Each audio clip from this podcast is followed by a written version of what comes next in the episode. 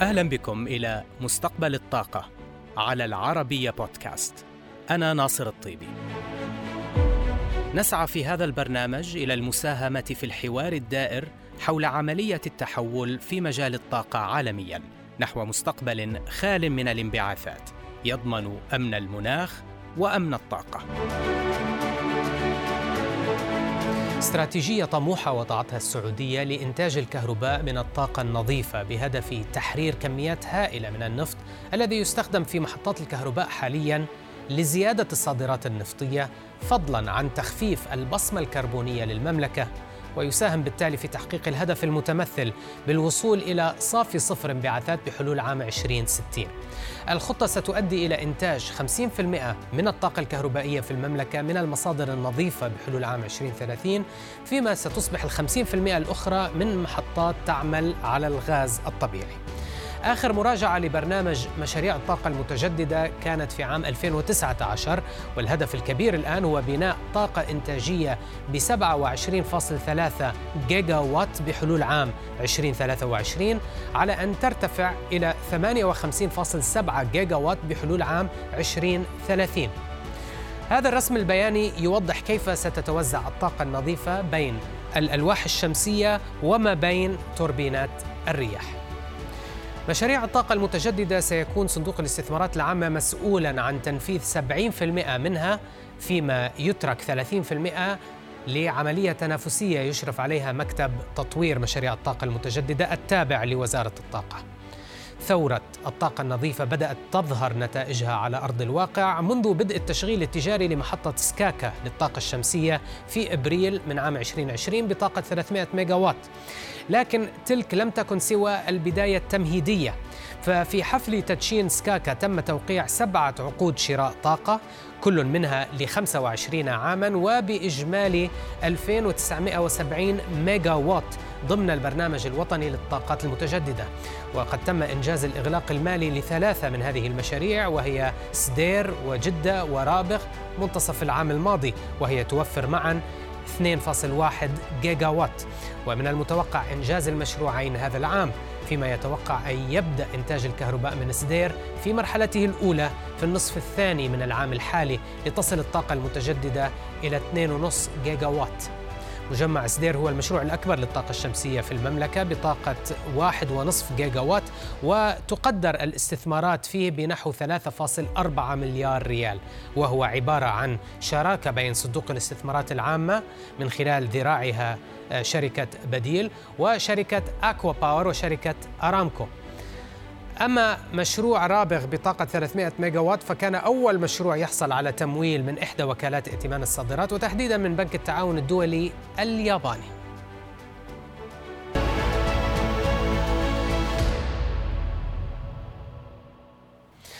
أنجي الفرنسية واحدة من الشركات العالمية ذات الحضور القوي في قطاع الطاقة السعودي.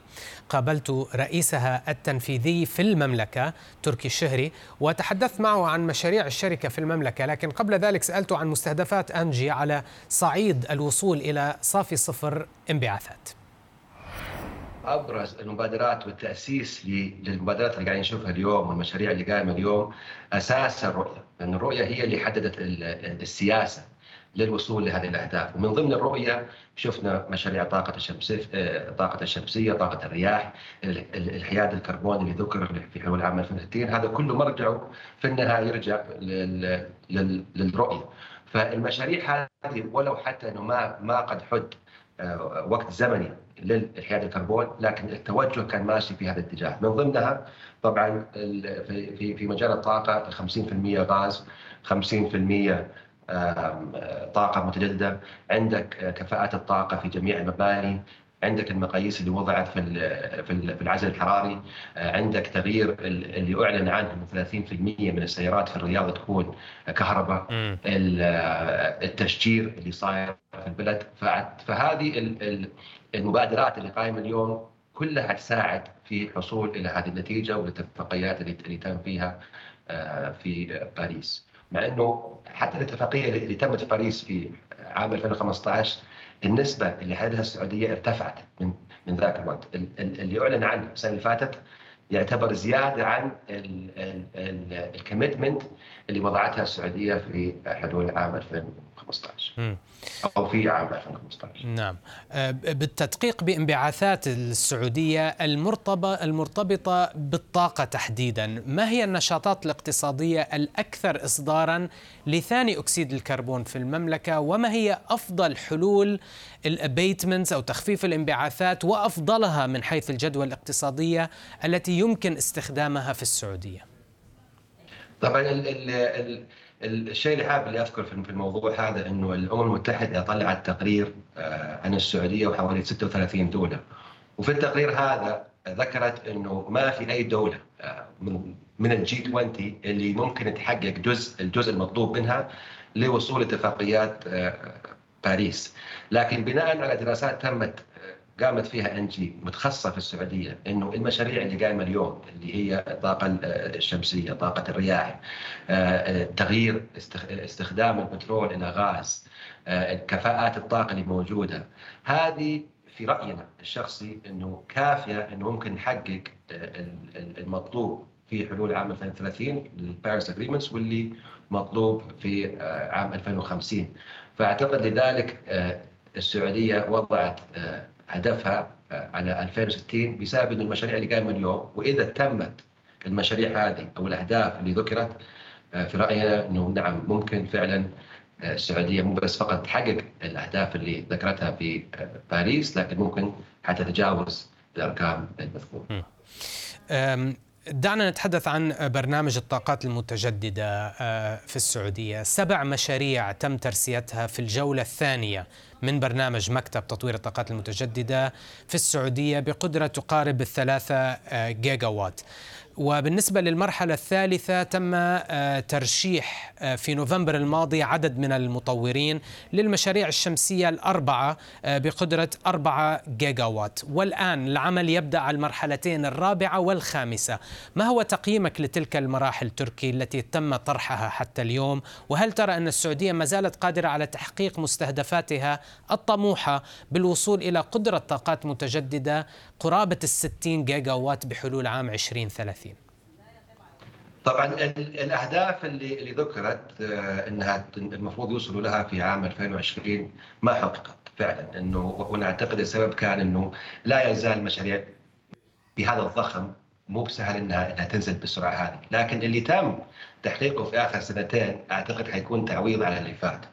ومثل ما ذكرت ال round 4 round 5 المفروض يطرح السنة هذه.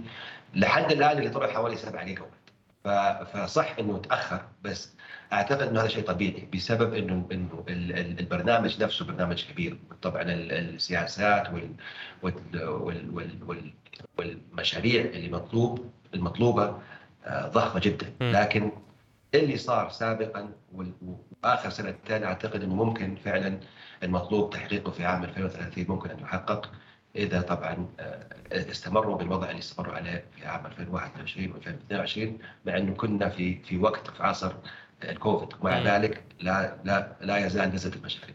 فأعتقد المستقبل حيكون حيكون أفضل وإن شاء الله اسهل ما هي أبرز المشاريع التي تستهدفون آه، في انجي الفوز بها هذه السنة في السعودية على صعيد مشاريع الطاقة أو حتى على مشاريع تحلية المياه؟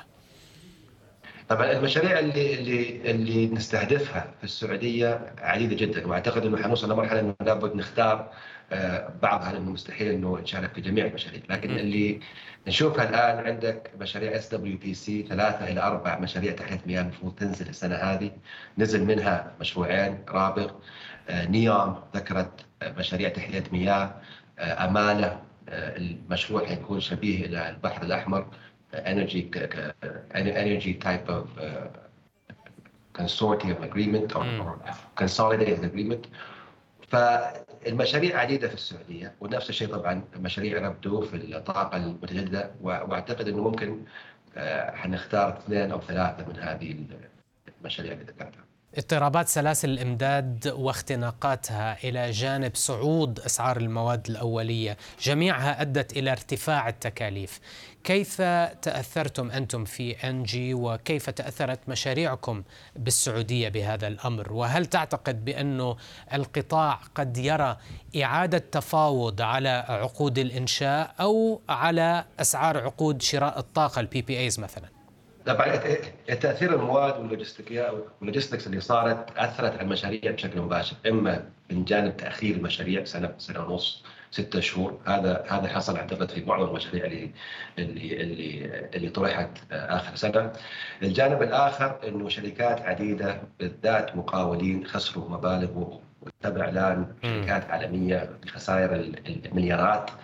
لكن إنهم يرجعوا ويغيروا الاتفاقية أو ال أو ال الأسعار اللي طرحوها وقدموها أعتقد هذه ما حتصير بسبب إنه هذه من ضمن الخطورات اللي تأخذها معظم الشركات. المفروض عندما يقدموا على آه، مشروع يكون يعملوا حسابهم إيش اللي حيصير بعد سنتين ثلاثة.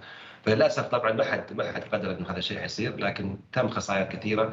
الوسائل الأخرى اللي تستخدمها الشركات إنها مثلا تأخر الإقفال المالي. فيحاولوا إنه مع تأخير الإقفال المالي ممكن الأسعار تتغير.